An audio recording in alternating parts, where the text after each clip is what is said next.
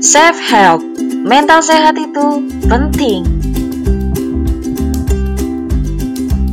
Assalamualaikum warahmatullahi wabarakatuh. Balik lagi nih bersama gue, Mutiara Parentia Putri, podcaster dari Self Help. Podcast yang akan membahas seputar kesehatan mental. Podcast eksklusif dari Spotify yang bisa kamu dengarkan secara gratis kapan pun. Tapi sebelumnya gue mau mengucapkan terima kasih nih sama lu semua yang udah mampir dan mau mendengarkan podcast dari Safe Health ini. Dan gue juga mau menanyakan kabar nih sama teman hebat semuanya. Bagaimana nih kabarnya hari ini? Semoga teman hebat semua keadaannya sehat selalu ya. Baik keadaan sehat fisik maupun kesehatan mentalnya. Nah, pada episode kali ini ada sesuatu yang berbeda nih Biasanya kan gue hanya melakukan monolog atau berbicara sendiri dan menyampaikan informasinya saja. Nah, tapi pada episode kali ini gue akan melakukan dialog sesi sharing bersama kakak kelas gue yang kece paroi dalam menanggapi hal kesehatan. Nah, dia akan menjadi narasumber di podcast gue kali ini. Tapi sebelumnya, perkenalan dulu ya karena ada pepatah yang mengatakan bahwa tak kenal maka tak sayang. Maka dari itu, sebaiknya narasumber gue memperkenalkan diri secara langsung kepada teman hebat semua agar teman hebat semua mengetahui siapa sih narasumber dari podcast hari ini. Nah, sok atuh kak silakan memperkenalkan diri. Yap, jadi nama gue itu Rahmat Safitri, tapi biasa dipanggil Fitri. Nah, usia gue sekarang ini 21 tahun. Ya nggak beda jauh lah sama Paren. Gue tinggal di Kabupaten Bogor dan sedang menempuh pendidikan di bangku kuliah jurusan psikologi. Nah, benar banget nih sobat hebat, karena Kak Fitri ini adalah kakak kelas gue waktu pas masih di SMP. Ya, kita udah lama gitu deh, nggak nggak kontekan, udah lost kontak gitu, dan udah lama juga nggak ketemu. Nah, terakhir itu kita ketemu waktu pas kebetulan lagi belanja di salah satu supermarket yang ada di Bogor. Nah, iya bener banget tuh Paren. Itu juga ketemunya akhir tahun kemarin ya. Setelah beberapa tahun gak ketemu, itu pun ketemunya pas masih sebelum ada corona ya. Iya nih Kak Fitri, oke deh kalau gitu. Bolehlah ya kita saling sharing mengenai cara menjaga kesehatan, baik kesehatan fisik maupun kesehatan mental.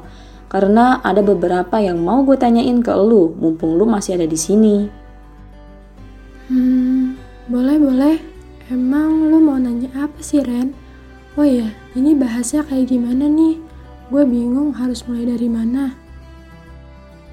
Hmm, jawabannya mah satu aja kak Nah, kalau misalkan lu bingung mau bahas gimana, mungkin gue mengajukan pertanyaan aja kali ya ke lu. Kan lu temen gue nih waktu pas masih SMP. Nah, mungkin lu mengerti nih mengenai kesehatan. Lu juga waktu pas SMP tuh suka olahraga kan untuk menjaga kesehatan fisik. Dan lu juga dan lu juga sekarang telah menempuh pendidikan psikologi. Nah, pasti nih lu memiliki ilmu yang cukup dalam lah untuk dunia kesehatan mental. Nah terus gue pengen banget nih masuk jurusan psikologi tapi waktu itu. Nah sekarang gue udah terlanjur terjun ke jurusan komunikasi yang ada di sekolah vokasi IPB nah terus dulu tuh gue suka tuh baca buku psikologi pas masih di SMA nah gue tuh biasanya baca di Gramedia tapi bukunya nggak gue beli deh. Karena kalau misalkan gue beli tuh kayak apa ya kayak cuman dibeli doang nggak dibaca gitu. Jadi gue cuman mau baca ya sepintas aja tapi gue juga memahaminya. Nah kalau kayak gitu bisa lah ya kak kalau misalkan gue nanya-nanya banyak lah tentang dunia kesehatan mental sama lu. Kak gue mau nanya dong. Sebenarnya gue masih bingung deh apa sih yang dimaksud dengan psikolog dan psikiater? Ada tuh yang bilang kalau misalkan psikolog dan psikiater itu satu profesi yang sama tapi ada juga nih yang bilang kalau psikolog dan psikiater itu beda. Nah, gue mau tanya nih sama lu, apa sih bedanya psikolog dan psikiater? Jadi, psikolog sama psikiater itu beda, Ren. Kalau psikolog itu sebuah profesi yang menangani masalah dan terfokus dalam perubahan pikiran ataupun perubahan perilaku serta memberikan penanganan berupa terapi psikolog ataupun psikoterapi. Dan yang terakhir itu dapat memiliki kompetensi untuk melakukan asesmen atau tes psikologi. Sedangkan kalau untuk psikiater itu sendiri dapat menangani masalah yang terfokuskan pada biologis ataupun perilaku serta memberikan penanganan berupa terapi psikologi ataupun psikoterapi dan memiliki kompetensi untuk asesmen atau tes psikologi. Oh, jadi gitu ya kak. Tapi sebenarnya gue masih agak sedikit bingung nih sama belum paham.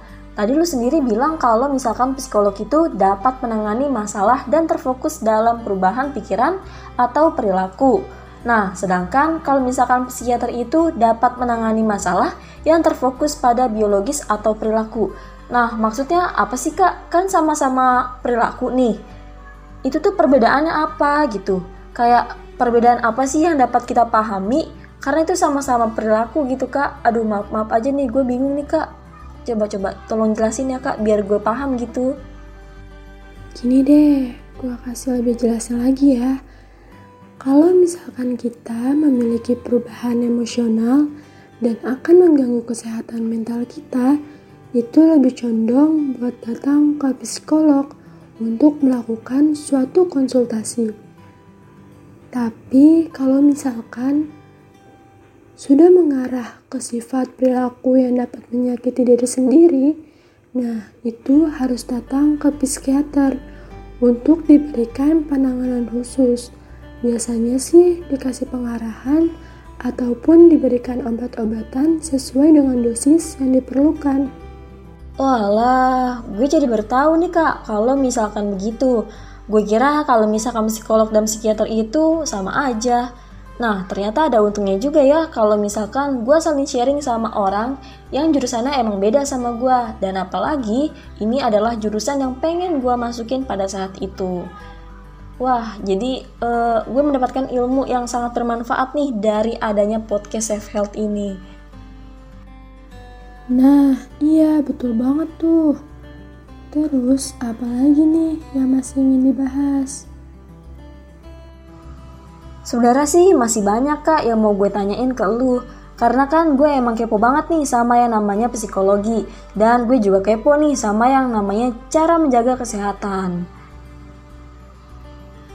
Nah, terus waktu pas kemarin episode pertama tuh gue sempat membahas mengenai mental illness. Dan pada podcast kedua, gue itu membahas mengenai self-care dan self-love pada diri sendiri. Nah, menurut lu sendiri gimana sih kak? Cara yang efektif buat tetap menjaga kesehatan fisik dan mental, apalagi saat pandemi seperti ini. Sebenarnya sih caranya cukup gampang atau susah ya. Kita harus menerapkan pola hidup sehat, seperti makanan yang teratur, memakan makanan yang 4 sehat 5 sempurna, tidak mengkonsumsi makanan manis, tidak mengkonsumsi minuman berkarbonasi, dan pastinya melakukan olahraga ya. Sebenarnya itu satu hal yang cukup gampang sih buat orang yang memang sudah terbiasa melakukan hal seperti itu. Tapi kalau untuk orang yang mageran sih, sepertinya agak sedikit sulit ya. Niat untuk sehat sih masih ada, tapi kadang ada aja nih pikiran yang kayak, aduh ngantuk banget ya, mending gue tidur lagi deh 5 menit. Ah, nambah ah 10 menit. Dan ternyata kadang kita nggak terasa bahwa hampir seharian itu kerjaannya rebahan terus. Eh iya kak, bener banget tuh. Gue juga sering kayak gitu sih. Niatnya nih, kalau misalkan baru bangun tidur nih, gue kayak ngantuk banget. Terus gue nyalain alarm nih. Terus gue kayak, ah nambah 5 menit lagi ah masih ngantuk. Nah pas gue lihat, tiba-tiba gue bukan kelebihan 5 menit kak istirahatnya. Tapi bisa lebih dari satu jam. Dan parahnya lagi, itu pas di jam praktikum kak. Jadi kadang gue suka kayak ngejar deadline gitu kak ya salah gue juga sih karena gue waktu itu ketiduran. Nah tapi gue mulai dari situ tuh gue kayak mulai belajar gitulah belajar uh, gimana caranya supaya nggak ngantuk. Nah kadang gue suka sambil kayak makan gitu kak biar sambil nggak ngantuk. Nah terus gimana sih kak cara menjaga kesehatan mental itu sendiri? Karena jujur aja nih kak kalau semester ini tuh kayak ngerasa tertekan banget sih sama tugas-tugas yang datang silih berganti. Nah gue mau tahu dong caranya agar kesehatan mental kita tidak terombang-ambing atau tidak terganggu. Kadang kayak ngerasa jadi manusia nokturnal gitu. Kalau malam suka melek nih, mata seger banget. Kayak wah semangat banget dah tuh kalau malam tuh melek kerjaan tugas, wah rajin banget dah. Nah tapi kalau paginya itu ya kayak tadi tuh kak, gue ketiduran, bangun kesiangan, kayak gitu kak. Makanya nih gue kadang gue kadang kalau misalkan nyalain alarm itu gue nyalainnya tuh 10 menit sebelum waktunya karena buat ngumpulin nyawanya itu sendiri tuh kayak lama banget tuh kalau gue melek tuh. Jadi kadang gue kalau ada kuliah jam 7 gue nyalainnya tuh jam 6.50 gitu kadang jam 6.40 gitu. Ya pokoknya harus pinter-pinter mengatur waktu sih kak. Terus kadang gue juga kadang suka kalau malam-malam tuh kayak ngelamun kayak mikir nih duh besok gue bakal jadi orang berhasil gak ya? Bakal ngebanggain orang gak ya? Kayak gitu kak. Nah itu tuh gimana sih kak?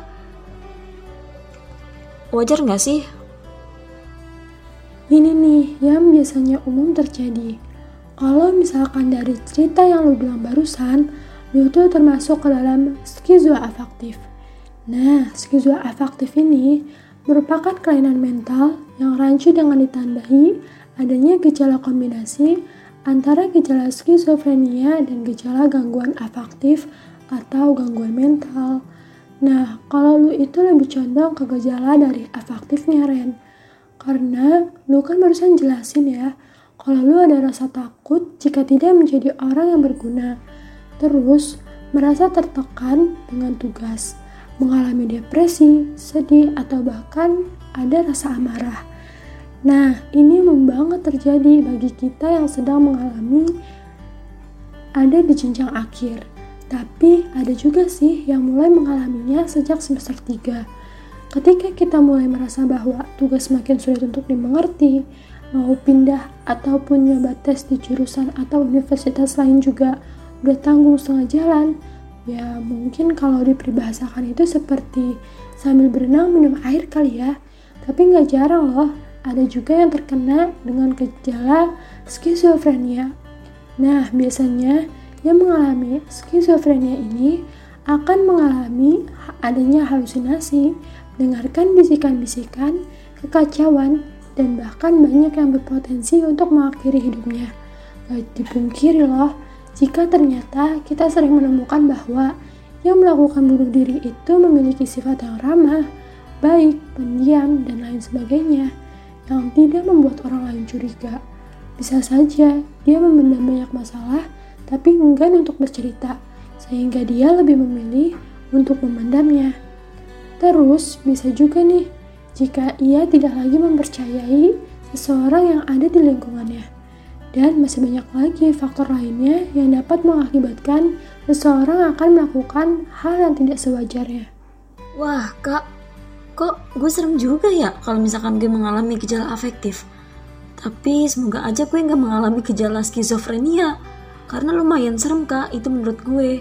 Nah, by the way, gimana sih kak caranya supaya gue dan yang lainnya dapat menjadi seseorang yang tidak mengalami gejala afektif lagi? Ya, biar cepat sembuh gitu kak. Ada nggak sih kak caranya?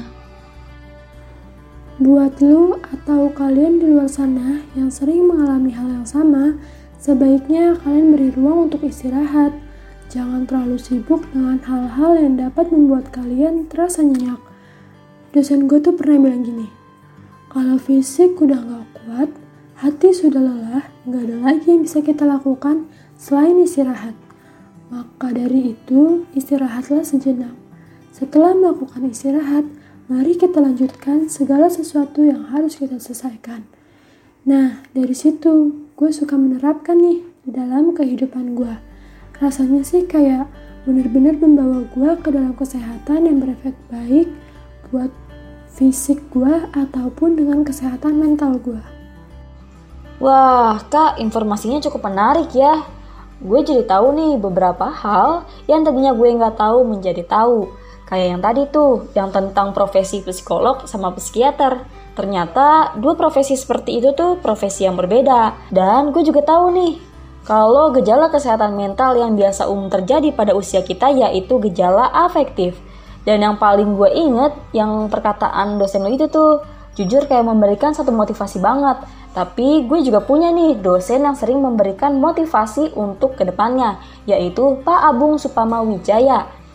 Beliau merupakan dosen komunikasi sekolah vokasi IPB. E, eh, sempat diajar beberapa mata kuliah sih sama beliau dan itu tuh benar-benar kayak e, ngasih wejangan banget deh buat ke depannya kita nanti seperti apa kayak gitu tuh kak. Ya kan sebenarnya mah apa pun pendidikan yang kita tempuh itu adalah segala sesuatu yang sangat berharga loh. Gak ada namanya sia-sia. Pasti ada kok fase di mana kita akan merasa bahwa kita akan beruntung karena telah mempelajari segala sesuatu. Termasuk segala sesuatu yang mungkin gak lu sukai. Jadi, mulai dari sekarang, tetap semangat dalam menjalankan tugasnya ya. Karena di masa yang akan mendatang, itu tuh pasti akan berguna kok ilmu tersebut. Wah, oke okay, kak. Gak kerasa nih kalau ternyata waktu kita sudah habis. Dan gue juga mau mengucapkan terima kasih nih kak, karena lu udah berkenan untuk menjadi narasumber di podcast gue kali ini. Nah, next time kita bincang-bincang lagi ya kak. Oke Ren, siap. Baiklah teman hebat semuanya, mungkin cukup sekian episode Safe Health kali ini. Jangan pernah bosan untuk mendengarkan podcast ini. Akhir kata, wabillahi taufik wal hidayah. Wassalamualaikum warahmatullahi wabarakatuh. Dadah. Self help, mental sehat itu penting.